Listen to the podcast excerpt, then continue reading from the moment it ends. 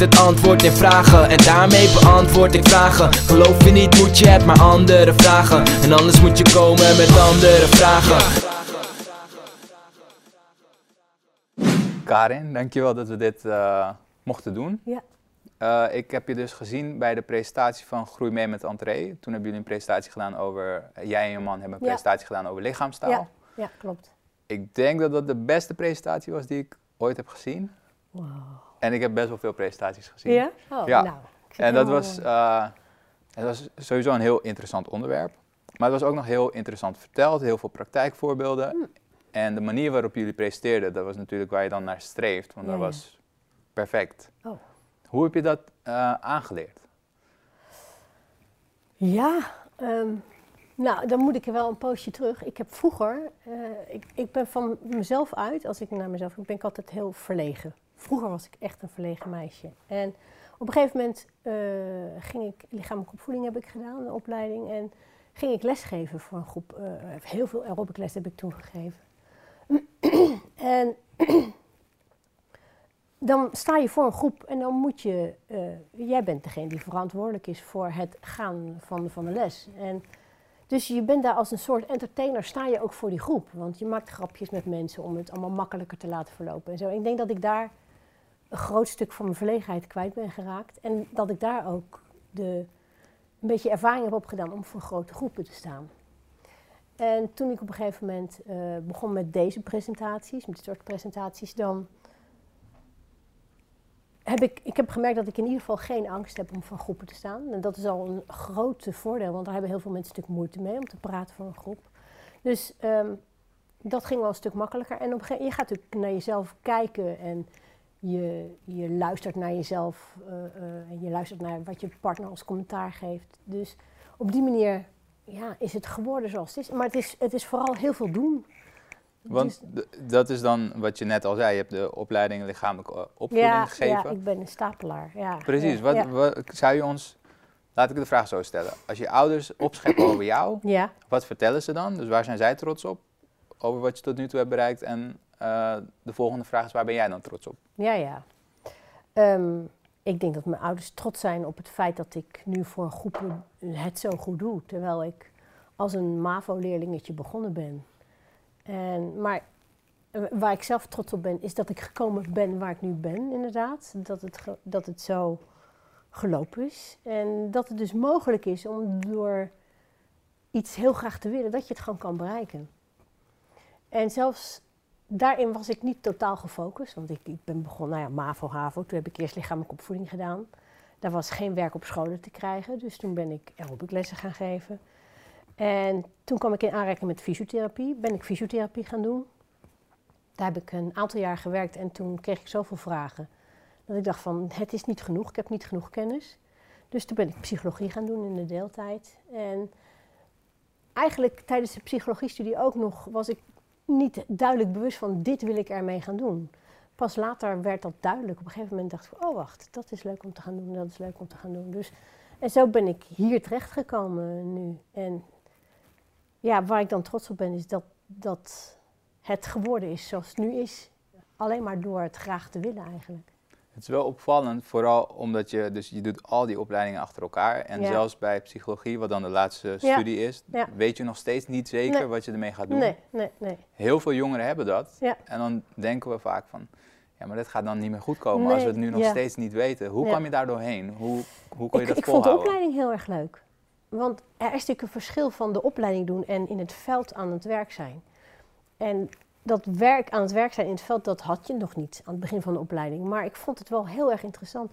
Psychologie dan vond ik ontzettend interessant. Ik leerde zoveel nieuwe dingen. En dus daar ben ik gewoon op doorgegaan. En op een gegeven moment dacht ik van, oh, ja, dit kan ermee, dit kan ermee. Nou, laten we maar zien wat het gaat worden. En ehm, ik ben niet zo'n vreselijke planner dat ik denk van, oké, dat heb ik gehad met de HALO. Vanaf meisje 4, 5 wist ik al, ik wil gymjuf worden.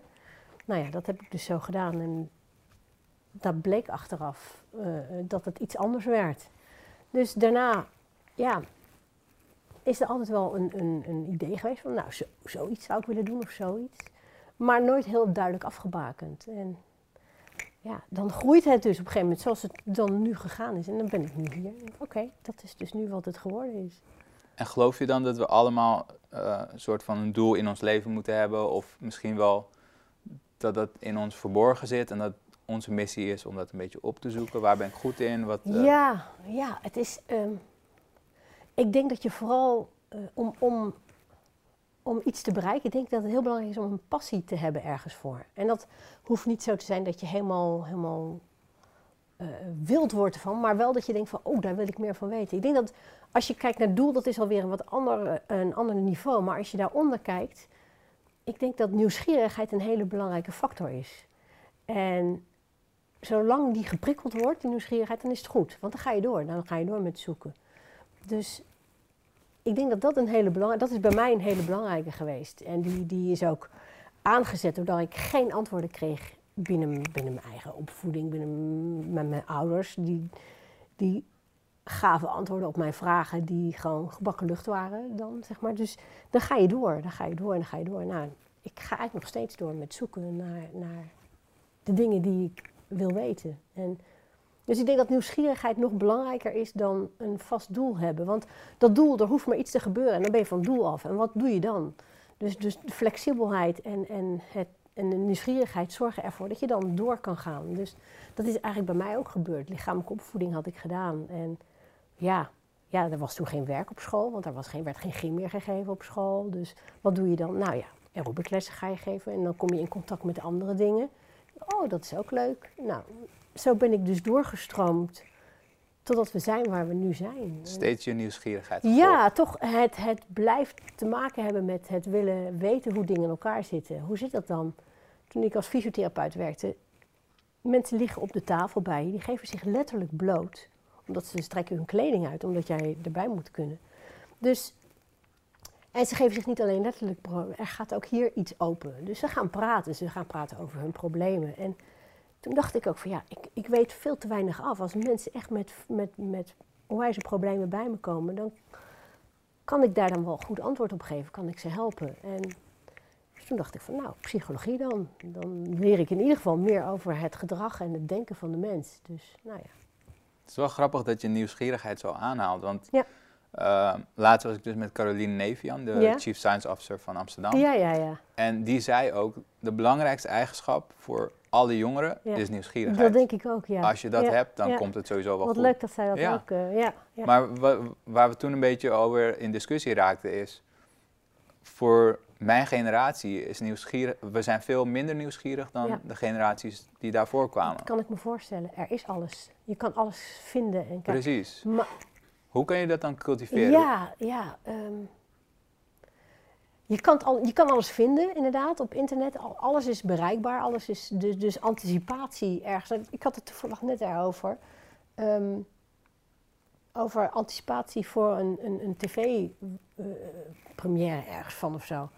En dat had je vroeger, zat je echt zo van, oeh, het gaat bijna komen, oeh, het gaat bijna. Er zijn drie zenders, oh, maar en op die zender gaat het komen. Maar tegenwoordig alles, alles is er. Alles, die kan alles overal krijgen. Dus ik kan me voorstellen dat daardoor anticipatie en misschien wel nieuwsgierigheid minder wordt. Maar als je om je heen blijft kijken en als je blijft kijken naar mensen en zo, er is altijd iets te leren, er is altijd iets te zien. Dus ik denk dat het ook te maken heeft met een stukje openstellen misschien wel. Misschien is, ik weet niet of dat misschien anders is tegenwoordig. Het besef dat alles te krijgen is. En wel meteen is misschien dempend voor, voor uh, dat soort dingen. Maar er, dingen blijven hetzelfde. Sommige dingen blijven hetzelfde. Er blijft contact tussen mensen. Tussen jou en mij. Er blijft contact. En dat contact is gebaseerd op, op communicatie en op lichaamstaal. Uh, dus daarin kan je altijd blijven zoeken. Daarin kan je altijd nieuwsgierig blijven van wat drijft hem en waarom is hij gekomen waar hij nu is. En zolang je dat blijft voelen, dan is het goed. En misschien dat de jeugd van tegenwoordig zich daar wat meer bewust van moet zijn. Van ja, er is heel veel te krijgen en ik kan eigenlijk alles wel vinden. Maar echt het van mens tot mens contact hebben, wat denk ik ook wat minder aan het worden is, omdat mensen heel veel met schermpjes zitten. Daar blijft nog een bron van kennis in zitten. Is dat een mindere vorm van contact?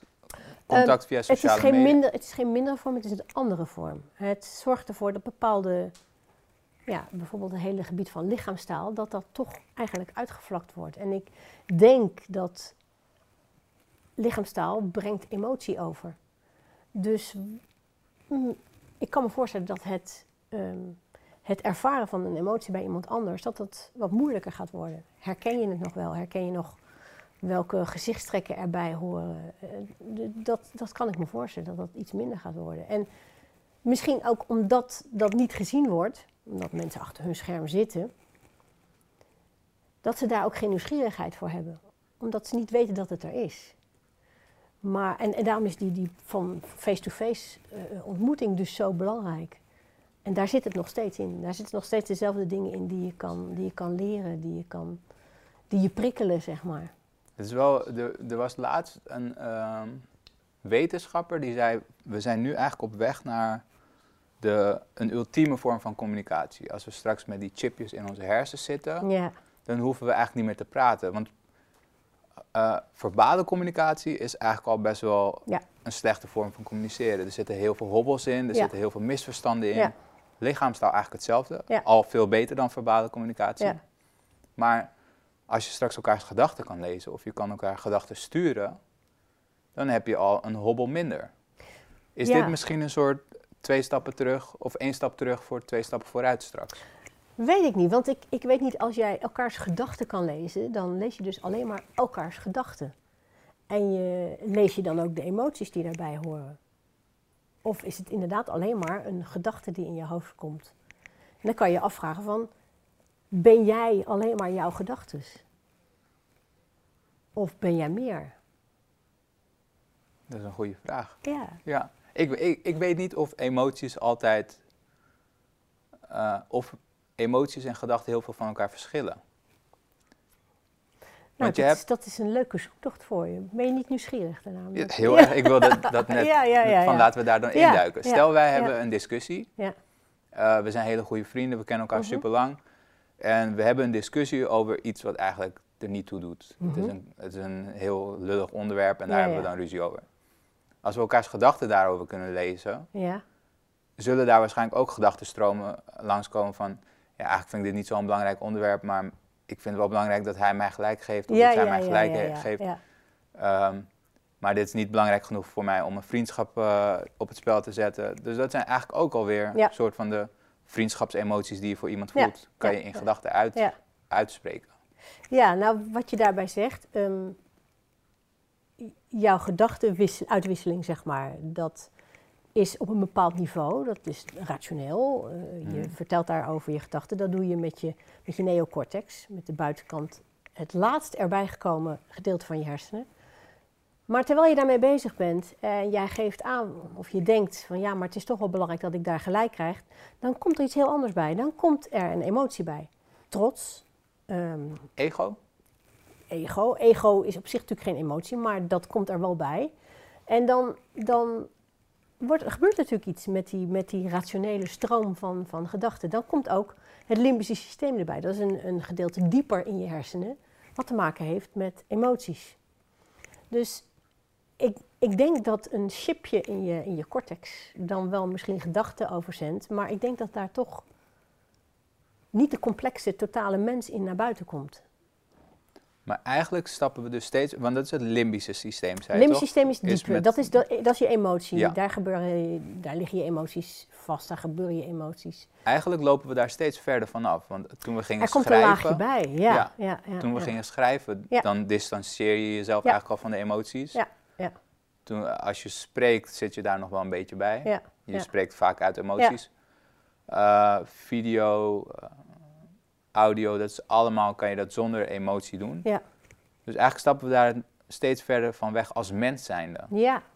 Is het zo'n essentieel deel Ja, van ik- het mens zijn? Ik denk het wel. Ik denk dat dat, ik denk dat eh, niet alleen in communicatie eh, dat het essentieel blijft om. Want je zal face-to-face blijven communiceren met mensen. Als jij bij, bij de bakker staat, dan is het niet eh, van eh, ik zend je even door wat ik wil hebben nu, weet je wel. Dus ik heb het gevoel dat dat altijd wel blijft bestaan. En daarnaast zorgen emoties ook dat jij bepaalde beslissingen neemt of bepaalde beslissingen niet neemt. Dus voor keuzes, voor beslissen, voor, voor plannen, voor beoordelen, daar zit allemaal ook een, een, een basis van emotie in. Dus ik, ik weet niet, ik heb niet het gevoel dat emoties minder belangrijk gaan worden. Ik denk, ik hoop het ook niet, want ik denk dat dat juist onwijs veel jus aan het leven geeft, de emoties. Maar ik kan, me niet, ik kan me het niet voorstellen dat emoties geen belangrijke rol zullen spelen in het leven. Dus, Dus het zal, dat is iets van altijd. Dat zal ik, altijd ja, onderdeel ik, eh, blijven. Ik, ik kan me voorstellen dat de technologie zo vooruit eh, gaat lopen dat er op een gegeven moment inderdaad een mogelijkheid is om misschien wel elkaars gedachten op te vangen. Ehm, maar ik denk dat er daarnaast, dat is dan een, een proces in de technologie, of in de, in de elektro-wereld, maar daarnaast zal er altijd eh, een aantal menselijke behoeften blijven die voldaan moeten worden. Dus, en ik denk dat contact daar één van is. En daarin zal dan toch ook, daar komt ook andere gedrag naar buiten dan alleen maar het gedachten lezen. Je kan niet anders dan ook het laten zien wat je erbij voelt. Dat gebeurt gewoon. En ehm, als we dan een paar stapjes terugnemen, met lichaamstaal eh, op zich, dat is iets van iets wat we over de jaren hebben ontwikkeld. Van oké, als ik zo kijk, dus dat soort van evolutie Ja, toch? ja, het zit hebben we dat aangeleerd, dat zit dieper dan Ja, dat wij het, is klopt. onbewust. Ja, ja. Wat voor effect heeft het feit dat we steeds minder naar elkaar kijken, steeds vaker naar een mobiel kijken, steeds vaker achter een scherm zitten? Mhm. Wat voor effect zal het hebben op onze lichaamstaal? Merk je al bij, ehm, bij mensen uit mijn generatie dat ze misschien een mindere vorm van lichaamstaal hebben, dat ze dat minder beheersing over hebben? Ja, Zijn er überhaupt effecten te zien? ja. nou wat, wat er, eh, als ik kijk op het wetenschappelijke gebied met betrekking tot lichaamstaal, daar zijn onderzoeken gedaan naar empathie. Dus hoe kan jij je verplaatsen in de ander? Eh, voel jij mee wat de ander voelt? Het blijkt dus dat door zoveel op schermpjes te zitten, dat mensen minder goed elkaar kunnen lezen. En dat empathie dus minder, minder ontwikkeld wordt. Dan kan je zeggen van ja, in hoeverre heb je dat nodig? Ehm, ik denk als jij je medemens kan lezen, dat je een beetje begrijpt wat, wat, wat er gebeurt met die persoon, dat je ook meer kan meevoelen met de persoon en dat er meer warmte is in, in de communicatie. Dat is, dat is één ding. Ehm, daarnaast denk ik dat het herkennen van lichaamstaal informatie geeft die je niet op een andere manier krijgt. Het geeft je informatie over hoe de persoon zich voelt. Of degene die, die iets zegt, of dat overeenkomt met wat hij uitstraalt. Op het moment dat daar dingen niet overeenkomen. Dus jij zegt iets van, eh, ja, ik, ik vind het eh, heel interessant, maar aan de andere kant hang je onderuit en eh, zit je zo een beetje met je hand op je hoofd, of met je hoofd op je hand te steunen. Dan klopt dat niet. Dan is er geen, dat, is niet congruent. Dat ziet de ander. Totaal onbewust ziet de ander dat. En die weet dan van, hé, hey, er is iets wat niet, ik heb een vreemd gevoel. Op het moment dat je iets meer van lichaamstaal af weet, weet je dat dat vreemde gevoel betekent dat dat signaal wat jij uitzendt niet klopt met wat jij zegt. En dan ga je dus, of je gaat er dieper op in, of je besluit van, nou, hier hoef ik geen onderdeel van uit te maken, ik ga er vandoor. Dat zijn dingen die een communicatie, die, die een gesprek veel makkelijker doen verlopen als je er begrip voor hebt, als je het ziet. En ook, ik denk ook wel met, als je kijkt naar eh, hoe emoties geuit worden, hoe heftig ze soms geuit worden. Ik denk ook als je, als je lichaamstaal beter snapt, als je gewend bent om naar elkaar te kijken en om signalen te herkennen, dan weet je ook wanneer mensen boos worden, wanneer het eraan zit te komen.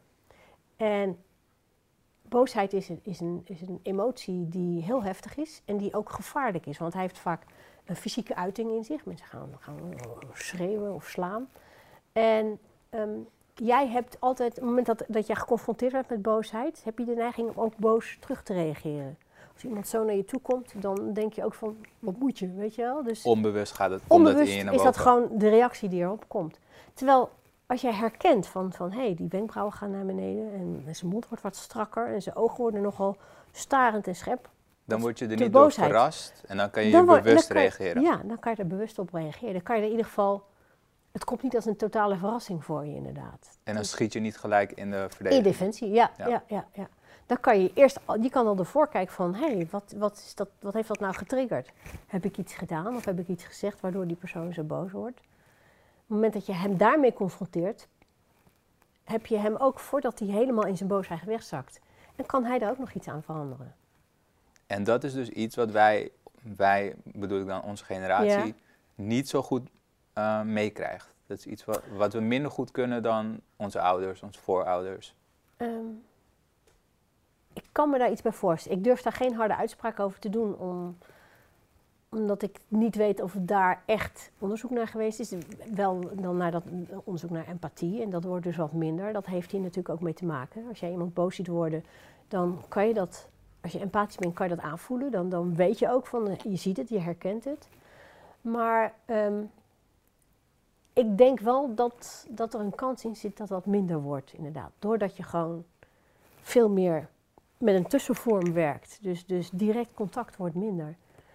Nou is het wel zo dat lichaamstaal natuurlijk over het algemeen ook onbewust, op onbewust niveau zich afspeelt. En eh, daarom denk ik ook dat het zo belangrijk is om mensen daarover te vertellen. Om, omdat over alle generaties heen, naarmate je meer kennis hebt van lichaamstaal, van emoties die erbij horen en het feit dat je emoties kan reguleren, ehm, is dat niet zozeer één generatie die daar eh, wat gebrekkig in is, maar dat, dat komt dus over de hele linie denk ik wel voor. Het is, het is geen basisvak op school, het is, je krijgt het niet mee in je opvoeding over het algemeen. Je ziet wel dingen en je vangt natuurlijk wel dingen op, daar zijn we ons hele leven al mee bezig, maar het er bewust mee bezig zijn is een heel ander verhaal. En ik denk dat dat, ja, dat dat heel belangrijk is dat we daarmee bezig zijn. Zeker nu met al die schermpjes denk ik toch ik zou het zelf, heb ik zoiets van, empathie is een belangrijk ding. Het is mooi als je kan meeleven met mensen, als je ehm, steun kan betuigen, maar ook als je kan invoelen van, hé, hey, er gaat iets mis, of, eh, of die persoon is verdrietig, of daar zit angst, wat is daarmee aan de hand? Als je dat soort dingen kan zien aankomen, kan je er iets mee doen. Ik denk dat het ook wel helpt bij. s- eh, er zijn, sommige mensen zijn goed in communicatie, die kunnen zich Mhm. goed uiten, hun Ja. gevoelens goed uiten Ja. als ze ergens mee zitten. Ja. En er zijn mensen die dat heel moeilijk eh, Ja. kunnen, die Ja. dat heel moeilijk vinden. Ja. En als jij heel erg eh, bewust kan kijken naar lichaamstaal en je ziet al dat ze die kant op gaan van oké, deze persoon vindt het moeilijk, ik zie dat hij zich begint af te Ja. sluiten, Ja, ja, ja. kan, je, eh, kan je dat soort mensen ook helpen. ja natuurlijk, ja. En in die zin is een goede communicatie kan je misschien ook helpen om een goed mens te worden, een beter mens te worden. Ja, ja, dat is natuurlijk weer een oordeel wat je dan, aanplakt. Hè? En, en dat, ehm, dat is moeilijk, want voor iedereen is het begrip een goed mens worden is dan toch wel weer wat, eh, wat verschillend. Maar En wat is het voor jou een goed mens? Want dan kunnen we het aan dat ja, voor- ja, ja, kunnen we het zeg maar daaraan een vastdenken. goed mens. Ehm, ja, dat is natuurlijk een hele moeilijke vraag. Leuk dat je die zo even een terugspeelt naar me. Ja, ja. ja. Ja, wat is een goed mens? Nou, ik denk in ieder geval iemand die, ehm, die respect heeft voor, voor al het leven wat er is. Ehm, iemand die geen, in eerste instantie geen kwaad in zin heeft. Gewoon een, een, een, een goed, eh, goed hart, ja. Goed hart. eh, eh, goed willen doen. Maar vooral, ja, ik denk dat het respect dat dat wel een belangrijk ding is. Respect hebben voor, in ieder geval voor andere mensen, voor andere dieren, voor al levende wezens. Dat is wel iets wat er bij, wat bij mij in eerste instantie zo naar boven schiet. En word je daar, kom je zeg maar daar dichterbij als je goed kan communiceren? Ja, ja, ja, dat denk ik wel, ja. ja. Omdat je al die dingen op kan vangen. Ja, omdat je dingen opvangt en omdat je dus ook eh, iemand die moeilijk communiceert, dat herken je. Je herkent het bijvoorbeeld aan geen oogcontact, aan de andere kant op kijken als ze met je praat of zo, dat soort dingen. En dat zijn dingen die, als je je bewust bent van het lichaamstaal, valt je dat op. En dan weet je dus ook van, oké, deze, ik, ik, ben nu, ik, ik heb nu contact met iemand die het vrij moeilijk vindt om zichzelf te uiten. Dus dan kan je toch zo- zoeken naar van, wat zit daar nou achter? Wa- waarom eh, en, en, en waarom vind je het moeilijk om met mij te praten? Wat, Als je daar niet bewust van bent, dan kan je misschien denken, ja, oh diegene hij wil is... niet, weet je wel. Dan, eh, gewoon, dan denk je van, nou, die heeft zijn scherm omhoog, dus die wil verder niet. Ja, en daar zit dan meteen een oordeel bij. Terwijl het goed is om het oordeel uit te stellen. En kijken of je op een andere manier toch Ja. contact kan krijgen. Ja, dat is wel. Ik ben altijd eh, heel erg gefascineerd geweest door mensen die door hun manier van communiceren anderen meekrijgen. Ja, ja. Dus we hebben allemaal ideeën in ons hoofd, we hebben Ja. allemaal een bepaalde visie over de wereld. Ja. Maar het is heel moeilijk om andere mensen daarvan te overtuigen. Ja. Of om jouw visie uit te leggen aan andere mensen. Ja. Het wordt vaak verkeerd begrepen. Ja. Ehm, wie is dan een goed voorbeeld van eh, een persoon die dat heel goed kan? Die zo'n goede communicator is dat hij eh, mensen en dingen duidelijk eh, uit Ja, kan ja. leggen en mensen mee kan krijgen. Ehm, ja, dat is wel moeilijk. Even denken hoor. Maar dan kunnen we met behulp van die persoon kunnen we dat een beetje deconstrueren. Van, Ja, dit is wat hij goed doet, dit is wat we kunnen leren. Ja, ik vind dat, nou ja, sowieso, ehm, als ik in de politieke wereld kijk, vind ik dat moeilijk. Omdat ik daar tegenwoordig mezelf altijd afvraag, wat is de hidden agenda? Wat zit eronder? Wat zijn jouw, jouw drijfveren en wat wil je bereiken? Ehm, ik denk, ehm,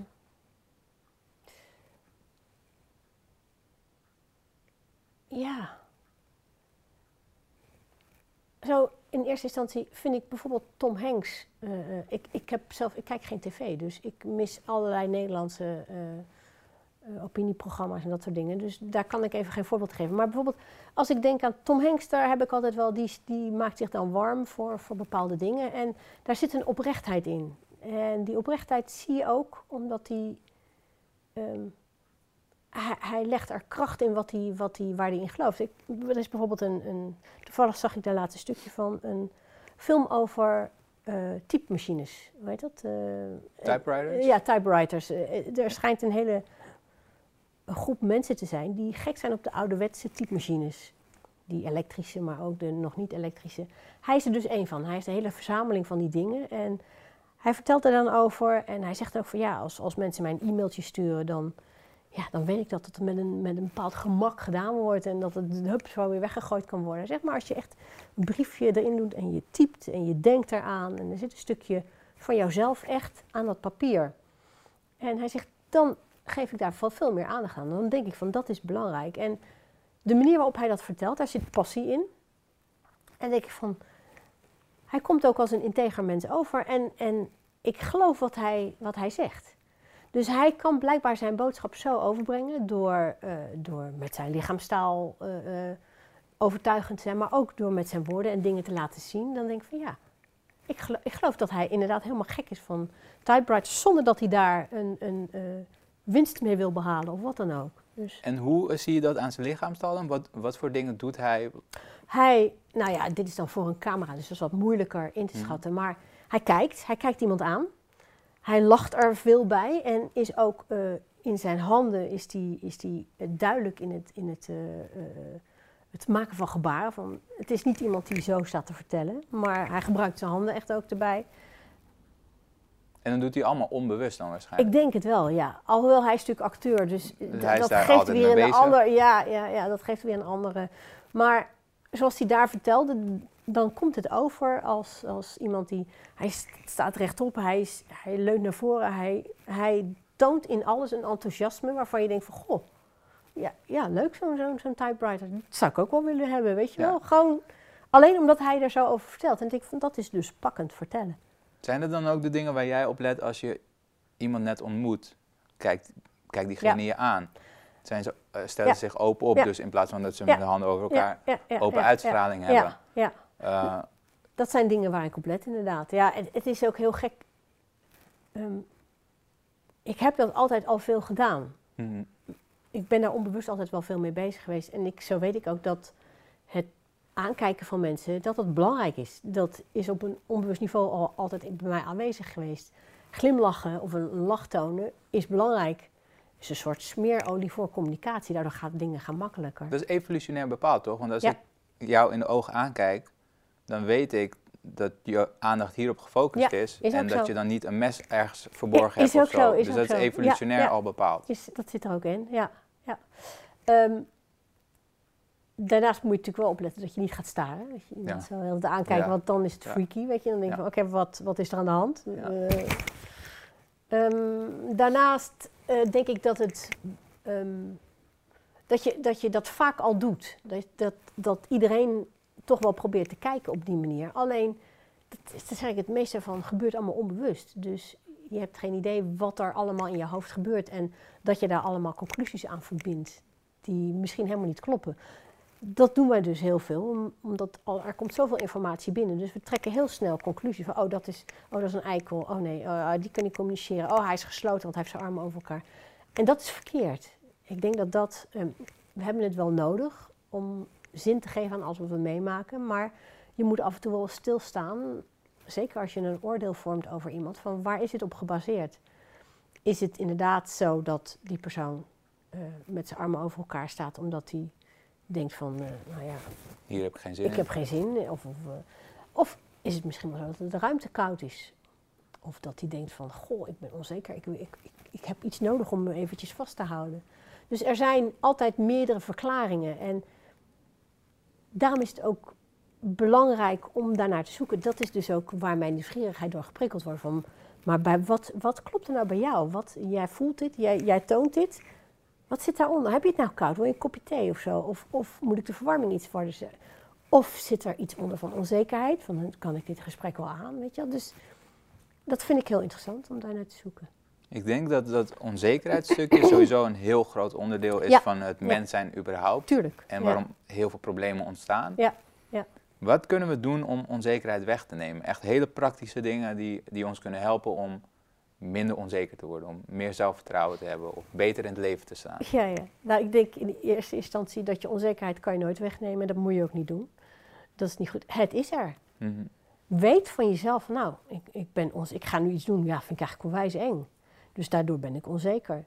Wees je er bewust van, dan ben je al een stap verder. Maar op het moment dat jij eh, dat gevoel wat je hebt, een beetje in je maag zo, en in- Niet kan duiden. dat je niet kan duiden, dan weet je eigenlijk niet wat er aan de hand is. Terwijl als jij het voelt en je kan het duiden, je weet, oké, nou, ik ben onzeker, ik weet dat ik een beetje angstig ben hiervoor. Maar ja, gewoon laten we maar zien. Het, eh, door het te doen weet ik of ik het inderdaad niet wil of dat ik het misschien wel heel erg leuk vind. Dus ik denk dat het erkennen van, van wat je voelt, dat dat belangrijker is dan het wegnemen van die emotie. Van de ding van, nou, ik wil me niet onzeker voelen. Je zal je heel je leven door onzeker blijven voelen, omdat er altijd situaties zijn waar je voor het eerst instapt. En dan is het handiger als je weet hoe je met die onzekerheid om moet gaan, dan dat je denkt van nee, ik wil hem niet voelen. En wat is een goede manier om met onzekerheid om te gaan? Ehm, ik denk dat het goed is om er eerst eens bij stil te staan. Waarom voel ik me onzeker? Nou, ik kom, hier, ik kom in een situatie, ik moet hier een interview geven. Voor de eerste keer dat ik dat moet doen. Ja, het is best wel eng. Dan moet ik voor een camera gaan staan. Vind ik ook helemaal niet leuk. En waarom vind je dat? Want als, we, als je vraagt waarom vind ik, eh, ben ik onzeker? Ja. Eh, ik ben onzeker omdat, omdat ik nu voor de camera iets moet doen. Ja. Is nog steeds niet het antwoord. op Nee, nee, maar dat is natuurlijk de eerste laag waar Ja. je op komt. Hè? En daarna Dus- moet je verder gaan kijken van, nou, Ja. oké, wat zit daaronder? Onzekerheid over hoe je eruit ziet. Mhm. Van, goh, ik heb daar een pukkel op mijn wang zitten. Ja, dat zien ze dan, ja, dat ben ik lelijk, weet je wel. En daarmee, En dan weer de laag daaronder. de is- laag daaronder is dus van, ik wil er goed uitzien voor andere mensen. Ehm, ik wil mensen pleasen. Ik wil ervoor Precies. zorgen dat mijn boodschap ook overkomt. Maar als mensen af worden geleid door de pukkel, dan eh, is mijn boodschap weg, weet je wel. Dus zo ga je telkens, telkens een laagje dieper. En het is natuurlijk heel moeilijk om helemaal diep te komen, omdat je... eh, Heel confronterend. het is heel veel. Je moet dingen over jezelf eh, eh, gaan zien die, waarvan je denkt van zo, dat had ik liever niet willen weten. Weet je? Of wil ik daar wel over nadenken. Maar op het moment dat je dat gedaan hebt, dat je daar bent geweest, dan weet je wat dat is. En dan weet je ook, als je dit eenmaal gedaan hebt, wat je moet doen, het enge wat je moet doen. En je hebt daarna geëvalueerd. Oké, wacht, het, het was helemaal niet zo eng. En ze hebben wel goed geluisterd, ondanks die pukkel Mhm. hebben ze goed geluisterd naar me. Dus dat is helemaal niet zo belangrijk. Het gaat er meer om hoe ik dingen vertel. Ik denk dat een volgende keer dat je dan zo'nzelfde soort eh, eh, eh, situatie ingaat, dat je dan die onzekerheid die is er misschien wel weer, maar je weet ook van ik kan toch wel goed uit mijn woorden komen als ik dat moet doen. Of, eh, weet is je? een minder grote hobbel dan. Ja, en, en dat geldt met, dat is met alles zo. Alles, alle eerste keren dat je dingen doet, is het eng. En dat is logisch, want, want het is onbekend. En wat onbekend is, daar heb je geen patroontje voor of geen vakje voor waar je dingen Het is gewoon lichamelijk, toch? Want Ook. als je in een nieuwe Ja. situatie Ja. zit, dan Ja. worden er bepaalde hormonen getriggerd die ervoor zorgen dat je alert Ja. bent. Ja. Dus dan ben je dat, altijd dat, een beetje... Dat, dat hoort erbij. Je bent scherp. Je staat op scherp. En dat op zich is dat niet erg. Alleen als het een, een emotie van angst met zich meebrengt. Of chronisch wordt. Of chronisch wordt. Ja, dan, dan, is, dan moet je wel ingrijpen. Dan moet je gewoon zorgen dat je erachter komt wat er nou inderdaad onder is. Dus dan ga je graven. En, maar het is wel belangrijk om de dingen, ondanks het angstgevoel wat je hebt, of ondanks onzekerheid, doe het gewoon. Ga er gewoon in. En, en desnoods zeg je ook tegen zo'n persoon, ja, sorry, ik, ik ben een beetje onzeker, want eh, ja, eh, eh, pff, zit alles wel goed? Weet ik wel wat ik moet gaan zeggen? Doe het gewoon. En dan merk je vanzelf wel dat het oké is. Heel veel mensen zijn bang als ze dat zouden zeggen, Ja. dat ze een soort van veroordeeld worden van, oh, maar als ik dat tegen diegene zeg, dan gaat hij minder over me denken. Maar het is precies het Het is tegenovergestelde. stel, stel maar bij jezelf voor, als jij iemand op bezoek krijgt waar je een gesprek mee wil gaan voeren. En die persoon zegt even, nou ik vind het wel eng hoor, ik ben wel een Die beetje stelt onzeker. zichzelf kwetsbaar op. Die stelt zichzelf kwetsbaar. Dan is jouw reactie van, oh nee joh, het komt wel goed. Ja. En ik, dus het is juist het tegenovergestelde inderdaad. Mensen die veroordelen niet, mensen die zullen juist eerder behulpzaam zijn. Ken Dus- je eh Brené Brown? Dat is volgens mij een, ook een gedragsdeskundige. En die heeft iets geschreven over kwetsbaarheid. Oh, oké, nee? Wat voor een kracht kwetsbaarheid kan zijn. Ja, ja. Dat we daar heel vaak, eigenlijk al met kinderen doen we dat. Ja. We voeden ze zo op dat Ja. ze daar zo ver mogelijk vanaf blijven. Ja, je mag je niet kwetsbaar opstellen. Precies. Ja, Maar dat is eigenlijk waar alle magie zit. Dat is waar je alles heel goed kan verbinden. Ja, op het moment dat jij je vragend opstelt of, of jezelf kwetsbaar... Ja, nieuwsgierigheid. Op het moment dat je dat doet, merken mensen een interesse in jou. Weet je wel? Dan denken ze van, oh, ze, ze, ze wil dus wel. eh. dus dat is beter dan dat je met je armen binnenkomt zo over elkaar. Nou, we gaan eens even wat doen, weet je wel? Ik weet alles al. Ja, ik weet alles al. Dat, is, dat kan sowieso niet. Niemand weet alles al. Eh, en op het moment dat je daar ook voor uitkomt, dan heb je altijd een stapje voor. Dus ik denk dat het helemaal niet verkeerd is om te zeggen van ja, ik vind het best wel eng wat we nu gaan doen, maar laten we maar kijken. En, en wil je me een beetje helpen daarin? Gewoon- Misschien is dat dan ook het, eh, dat verborgen dingetje van Tom Hanks. Dat hij, Ja. hij vertelt heel gepassioneerd, maar Ja. het is over een onderwerp waarvan je denkt, het is echt iets voor nerds. Ja, Dat- ja, ja, ja. maar hij stelt zich gewoon kwetsbaar op. en dan ja, denk je, ja, eigenlijk vind ik dat best wel tof. Blijkbaar is hij dus een soort nerd die daarvan houdt. Nou, Ja. hartstikke leuk. Ja, Want we hebben allemaal wel iets waar we van houden en wat een beetje Ik nerdy denk is. ook, als je, bij, als je zelf kijkt naar, als je kijkt naar films die, die heel erg groot worden, dat is vaak met mensen die, die het net niet helemaal, die waren niet echt de held, maar misschien juist wel een beetje kwetsbaarder. Of, weet je, Dat is de hel, het heldenverhaal is altijd toch iemand die van een slechte positie naar een Ja, betere ja, positie ja. gaat. Of die in die betere positie toch altijd die zwakheid heeft, weet je wel, de kryptonite die je Juist. nodig hebt of zo. Dus Ja. eh, een mens heeft alles in zich, is, is inderdaad een held, maar is ook een, een loser en is ook iemand die het niet weet, is iemand die dingen wel weet. En juist dat hele spectrum maakt dat een mens zo interessant is. En dat ik dus heel nieuwsgierig ben naar, eh, Andere mensen. naar andere mensen. Van wat zit er allemaal achter? Wat gebeurt daar? Waarom, waarom vind je dat nou leuk? En wat laat je nou zien? Oh, vind je het echt wel leuk? Of, eh, nou ja, Is dit meer een, eh, Ja. een act? Ja, Wanneer is het wat, oprecht? wat, wat laat je zien? Is het je masker of, of is het echt? Ja. En zijn dat dan ook dingen die voor jou een soort van afknapper zijn als je merkt dat iemand niet oprecht is? Dat je dan denkt, ja, maar hier ga ik geen energie in in steken. Misschien, eh, misschien eh, als je het heel erg druk hebt. En je eh, hebt het heel erg druk volgens mij. In, in, in, v- ja, Je hebt een druk leven. Jawel, ja, maar, maar ik hoop altijd. Een eerste reactie zou inderdaad kunnen zijn van, eh, nou, wat een bla bla. Maar er zit altijd iets onder. Degene die dan bla bla staat te doen, als je die dan later één op één hebt, dan zouden daar best wel eens andere dingen uit kunnen komen. Maar als hij voor een grote groep staat, of als, hij met, met collega's om zich heen staat, dan is dat zijn rol. En dan voelt hij zich daar zeker in. En dan doet hij dat dus op die manier. En dat is op zich natuurlijk wel interessant. Van hoe komt het dat jij dat nodig hebt om binnen die groep jezelf staande te houden? Dan zit altijd iets onder. Dus eigenlijk ben jij altijd op zoek naar de onzekerheid bij iemand. Waar komt dat vandaan? Ja, nou het is... Want het als, is, die dat, als diegene dat heeft, Ja, dat diegene denkt van oké, dit is mijn positie in deze groep, dus ik ga me zo gedragen, Ja. dan ben ik veilig. ja. Is dat weer een soort van eh, een onzekerheid weghouden. Tu- tuurlijk, het is, het- en het, is, het gebeurt ook niet bewust. Hè? Precies. Het is, het is een copingmanier die mensen hebben geleerd om zich staande te kunnen houden. Ehm, maar natuurlijk zit daar onzekerheid onder. Ik denk dat, dat, nou ja, als we hier in de kamer zitten met z'n vieren, dat alle vier bergen onzekerheden hebben. Kan niet anders toch? Ja, dat kan niet anders. Behalve ik. Ja, wel, eh, natuurlijk. Daar ga je al. ja, ja, natuurlijk.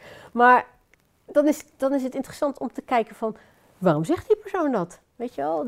Of, of waarom stelt hij zich zo op, een beetje brallend? eh, ja, die kom je altijd tegen. En het is makkelijk om dat te denken, oh, weer zo'n eentje, weg ermee. Maar het is dan interessanter om, om daarna eens eventjes één op één te spreken. En dan gewoon eens te kijken van, goh, hoe ben je hier gekomen? En eh, wat doe je nog meer? En je komt altijd iets tegen waardoor die persoon zich zekerder voelt als die een beetje brallend voor een groep staat. En wat zijn dan, eh, zijn er dan specifieke vragen die je stelt? Of is het gewoon meer een gesprekje Nee, aanknopen? gesprek. Ja, ja, en dan ja. vooral die Je- je onbewuste komt, dingen. Ja, je komt, het altijd, je komt het altijd wel tegen. Als je in zo'n één op één gesprek, als je echt de tijd even neemt voor iemand, je, je komt altijd, of je komt gebaartjes tegen dat je denkt van, hé, hey, wat zit daaronder? Of, of je komt zinnetjes tegen, of, of stemmetjes die overslaan of zo, wat dan ook. Er, er komt altijd iets naar boven. We hebben allemaal wel van die tikjes die ons dan... Ja. eh, Ja. Zelfs, zelfs, zelfs mijn partner, nou je hebt Den gezien, dat, is- dus die kan waanzinnig trucs doen. En nog steeds, ik zie het omdat ik hem goed ken. Zijn er bepaalde tics, bepaalde trekjes in zijn gezicht die hij doet op het moment dat hij iets doet wat andere mensen niet mogen zien? Want wat er dan gebeurt is dat hij eigenlijk dan op dat moment liegt hij. Doet hij iets wat eigenlijk niet gezien mag worden om, om iets spectaculairs te laten zien. Op het moment dat je gaat liegen, op het moment dat jij een, een leugen vertelt, gaat jouw lichaam waanzinnig in de weerstand. Want ons lichaam is erop gemaakt om de waarheid te vertellen. Dat je gaat liegen, worden er stoffen vrijgemaakt waardoor je slijmvliezen gaan zwellen en dan krijg je jeuk en wordt je neus geïrriteerd. Dat is waarom mensen vaak aan hun gezicht Aan zitten als ze... je als je naar je neus kijkt, ehm, dat noemen ze het Pinocchio-effect. Op het moment dat je liegt, komen er stoffen vrij die ervoor zorgen dat de slijmvliezen in de neus een klein beetje opgezet raken. De zenuwuiteinden die aan het uiteinde van die neus zitten, die raken dus een beetje beklemd. En dat gaat jeuken. En het is dus ook echt zo dat je neus ietsje groter wordt. Het is niet echt eh, zo, maar het is gewoon... eh, een- Zouden ze dat in die tijd hebben geweten toen, toen het verhaal van Pinocchio opgegeven werd? Nou, dat denk ik niet. Maar dat is toch dat is Het bizar. is onwijs, ja, als ze het hebben geweten, dan vind ik dat onwijs slim van ze. Dat ze het Ja. zo weer hebben gegeven. Maar ja, dat weet ik eigenlijk niet. Maar dat, dat eh, ik, sorry, ik Het, onderbrak nee, je nee, nee, maar het, ja. is, het geeft al meteen weer mij een, een pad waar ik eens op ga kijken. Maar goed, het, is dus, het, is, het bestaat echt. Je neus wordt dus echt een heel klein beetje groter als je liegt. En Ja. dat is ook mm, wat je vaak ziet. Mensen die jeuk krijgen in hun hals, weet je wel. Dat ze een kraag gaan trekken als ze een stropdas om hebben. Eh, mensen die op hun haren gaan jeuken of aan hun oren gaan zitten. Allemaal dingen die horen bij liegen. Uit ongemak. Dat is ons... Ze hebben mensen in een scanner gestopt. Ik weet niet of ik dat verhaal toen ook heb verteld. Ja, dat, maar ik vind, ja, ja. ik vind dat wel leuk ze hebben dus nieuwe- mensen in een, in een scanner gestopt en daar werd gevraagd van vertel een leugen. En dan kon je op, het, eh, op de MRI kon je zien dat de mensen die een leugen vertelden, daar werden meer breingebiedjes actief dan de mensen die de waarheid spraken. Dus liegen heeft meer activiteit in het brein dan de waarheid vertellen. En het kost dus ook meer energie. Want je moet eigenlijk, want dat zeggen ze, de beste leugenaars zijn de mensen die zichzelf kunnen bedriegen in, in, in het vertellen van de leugen. Ja. Die erin gaan geloven. Ja, ja, en dan moet je dus echt, je moet echt heel goed zijn dan Ja. daarin. Er, het is heel moeilijk om een, een leugen te vertellen en vol te houden.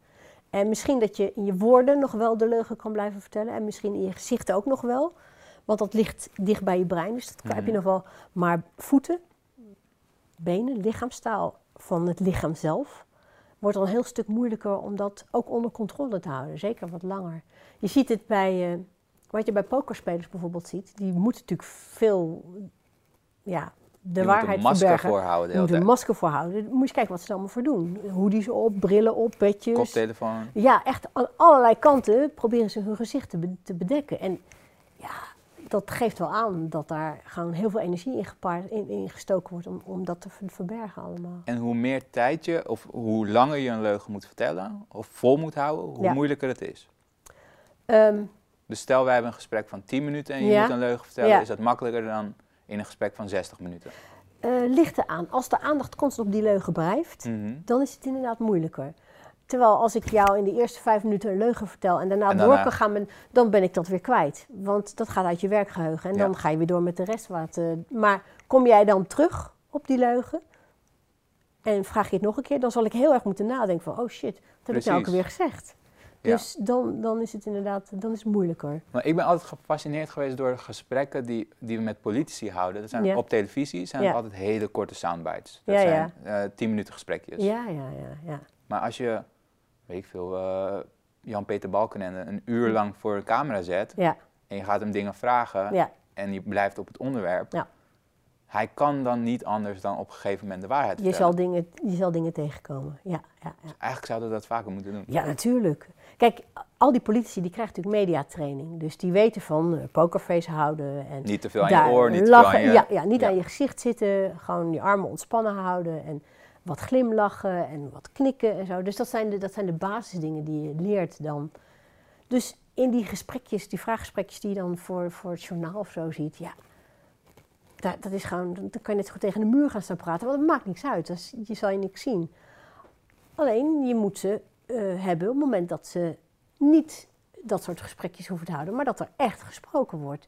Ik denk misschien, eh, misschien een kamergesprek of zo, weet je, als ze lang bezig zijn. Maar ook daar zitten natuurlijk vaak spelletjes nog bij van, van, van dit vertel ik wel, dat vertel ik niet. En, dus dat is denk ik ook wel moeilijk. Maar gewoon inderdaad iemand een uur voor een, voor een camera hebben, Is al veel beter. is al veel beter. Maar ja, dan, zit je dus, dan word je meteen geconfronteerd met datgene wat er tegenwoordig aan de hand is. is dat mensen moeten snelle informatie hebben. Het moet niet te lang duren.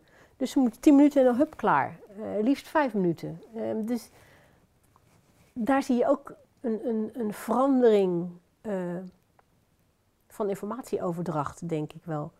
Vroeger was het natuurlijk was het normaler om lange vraaggesprekken te hebben, waarin veel meer behandeld kon worden. Tegenwoordig is natuurlijk alles ook allemaal, moet allemaal snel zijn, anders is de kijker weg.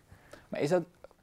Want ik geloof niet helemaal in die stelling. Nee? We, er zijn, als we kijken naar... eh, Oh. Zij zit terwijl ze haar armen over elkaar deed en in de defensie ging. Heel goed. Want het is heel erg zo, als je kijkt naar ehm, televisieprogramma's vroeger, inderdaad, als het over politiek ging, dan had je iets langere programma's. Eh, je had praatprogramma's van misschien wel een uur of langer, die over één onderwerp Ja, gingen. ja.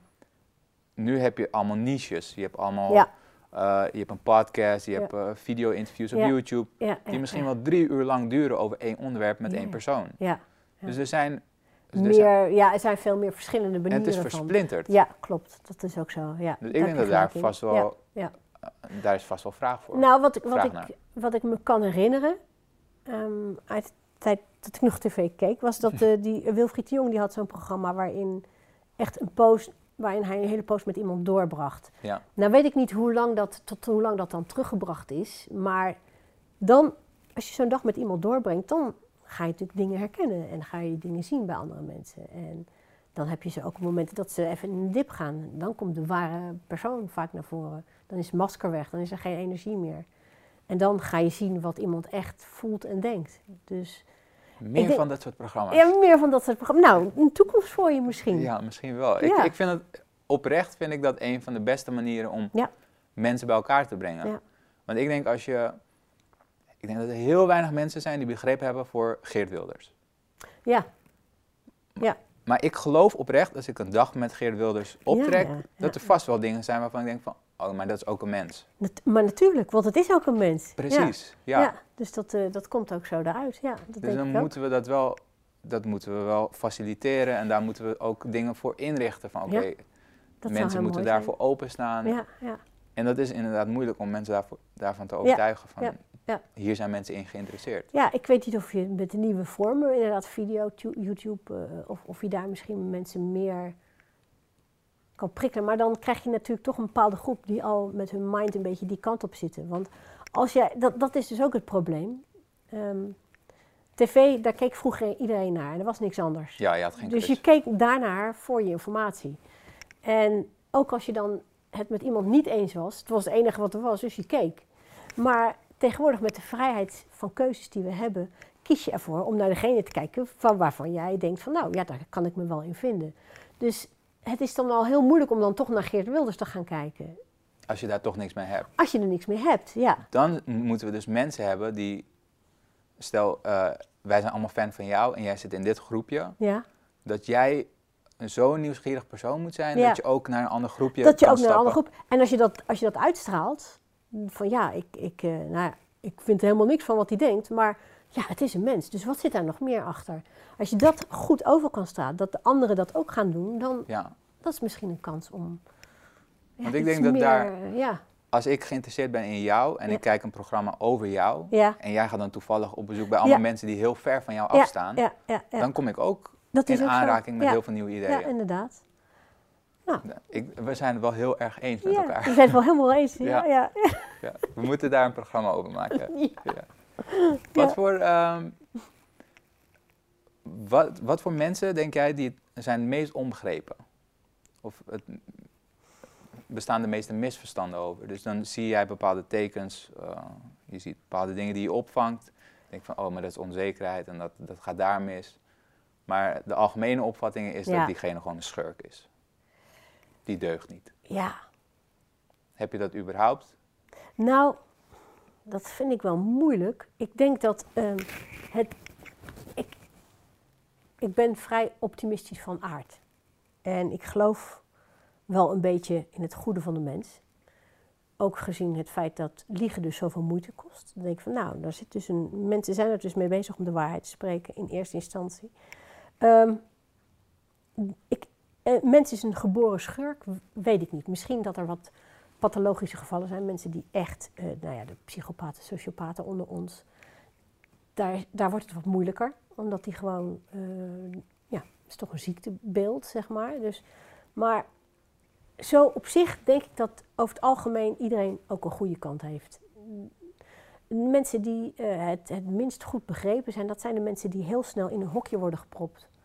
Ehm, nou ja, de, de, de, de, de asielzoekers hebben een periode gehad, ik denk dat dat nu nog wel zo is, van dat, dat zijn slechte mensen, weet je wel, die, die stelen, ze verkrachten mensen, ze hebben, eh, als ze dan ook nog eh, moslim zijn, dus hebben ze nog een, nog een slechte punt erbij. Dus Denk je dat het met empathie te maken heeft trouwens? Want ja, Paul Bloem die zei, we zijn empathischer bij mensen die we herkennen. Ja, dus als we hetzelfde uitzien, dan voelen we meer zo. empathie voor is ook zo. Mensen die je herkent en waar je, waar je denkt van, oh, dat heb ik ook. overeenkomsten. worden meteen aardiger gevonden. Dat is een, een bias die we hebben ook om snel te kunnen reageren op, op de wereld die je ziet. Maar die dus ook, wat ook echt een bias is. Dus het kan heel goed fout zijn.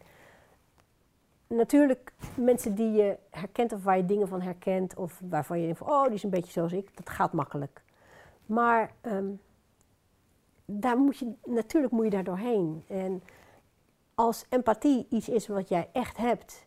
dan zal je ook eh, kijken naar mensen waarvan je denkt van, daar heb ik geen overeenkomsten mee. Een, eh, een, een, een, ik zat gisteren bij de tandarts en voor mij zaten twee Turkse mensen, oudere mensen, een vrouw helemaal met een hoofddoekje om en zo. En die kwam ook wankelend naar buiten en zo.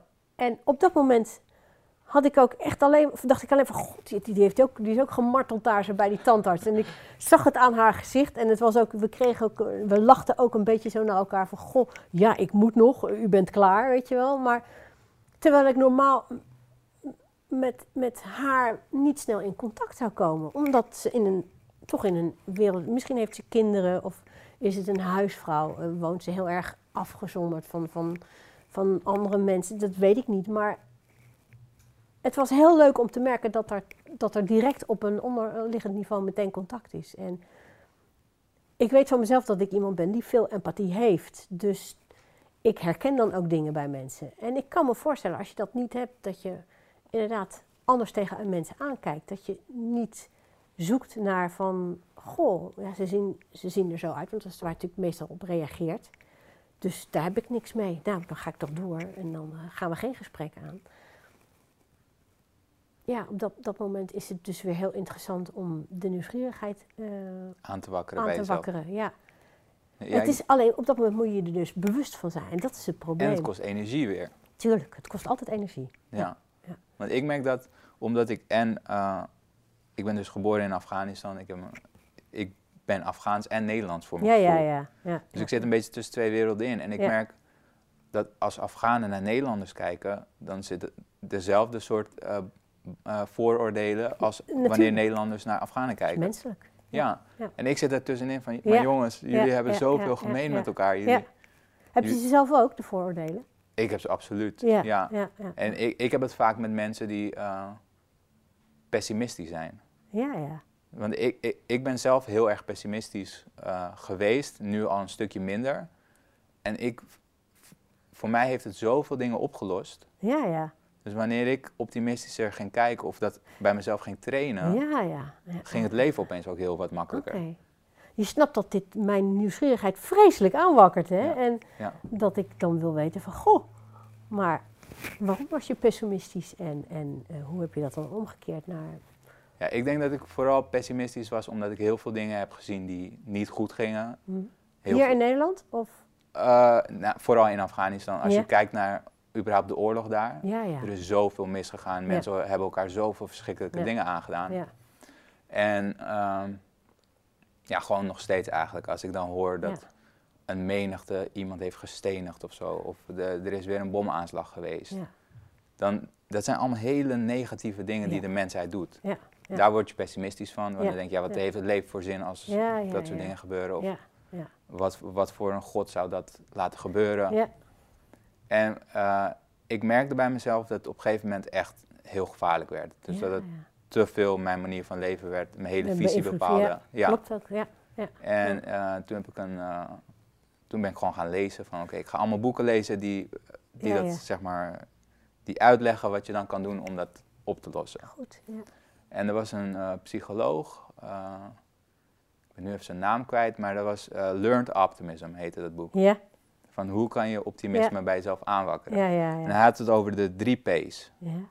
nee, eh, pessimisme bestaat uit drie P's. Eh, permanence, Ja, eh, pervasiveness en personal. ja, ja. ja. Dus wanneer er iets misgaat, hoe, ga je, hoe kijk je daarnaar? Ja. Hoe kijk je daarnaar? Ja, ja, ja, Pessimistische mensen die maken dat persoonlijk. Die zeggen ja, de bus is te laat. Die is altijd te laat als ik bij de halte sta. altijd. ja, ja, ja. En die maken dus Blijf permanent. daar, altijd. Ja, En die maken het pervasive. Die, Ja. Dus dat is het blijft overal. Ja, Precies. Ja, ja, ja, ja. En ik ging daarop letten. Van, Ja, steeds ja. als er iets misging, doe ik dat. Oké.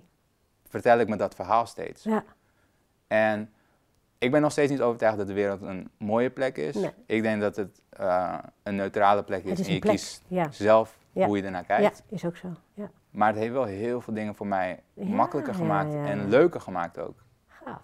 Ja. Ja, Dus als ik nu een nieuw persoon ontmoet, dan ga ik altijd... Nieuwsgierigheid heeft het makkelijker Ja. gemaakt. ja, ja. Maar dan ja, ga ja. ik altijd van het beste uit. Ja. En ik durf me ook open te stellen van Ja. oké, dit Ja, is wie ja. ik ben. Ja. Misschien dat ik daardoor ook te zien krijg wie jij bent. Natuurlijk, dat is sowieso. eh, mensen, ze spiegelen zich naar jou, maar er is ook, ze zullen ook kijken van wat, ze, mensen kijken naar jou van wat straal je uit, wat laat je zien. Als jij laat zien dat je inderdaad nieuwsgierig bent, dan merk je het al, ogen gaan meer open, eh, eh, er is, eh, misschien de hoofd gaat een beetje scheef, er is een vragende toon, weet je wel, in een gesprek. Dus als mensen dat zien, zullen ze daar op een bepaalde manier op reageren. Maakt niet uit wat hun achtergrond is, wat, waar ze vandaan komen. Dat zal er altijd zijn. Omdat jij het laat zien. En mensen reageren altijd op jouw lichaamstaal. En is dat dan denk je ook, want dat, dat was een soort van de conclusie bij Caroline, die zei vertrouwen is een keuze.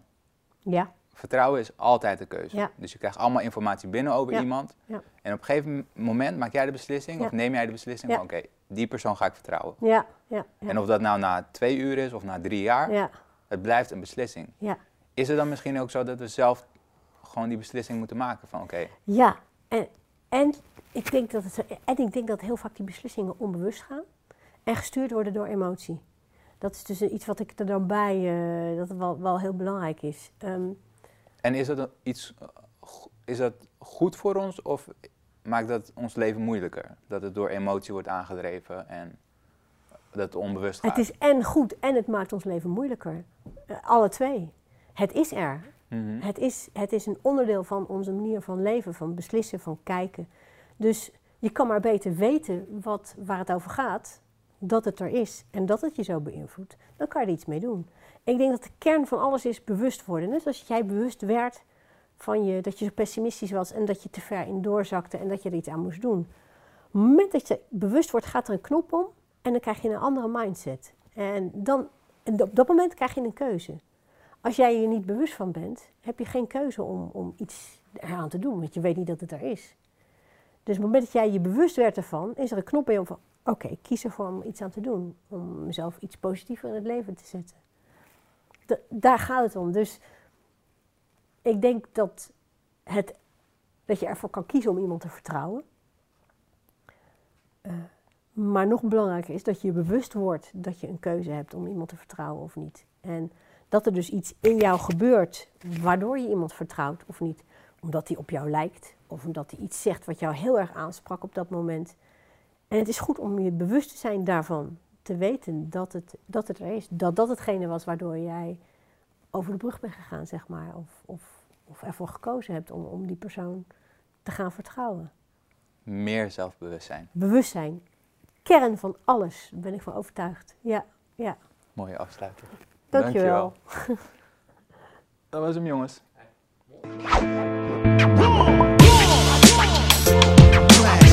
Vind het antwoord in vragen. En daarmee beantwoord ik vragen. Geloof je niet moet je het maar andere vragen. En anders moet je komen met andere vragen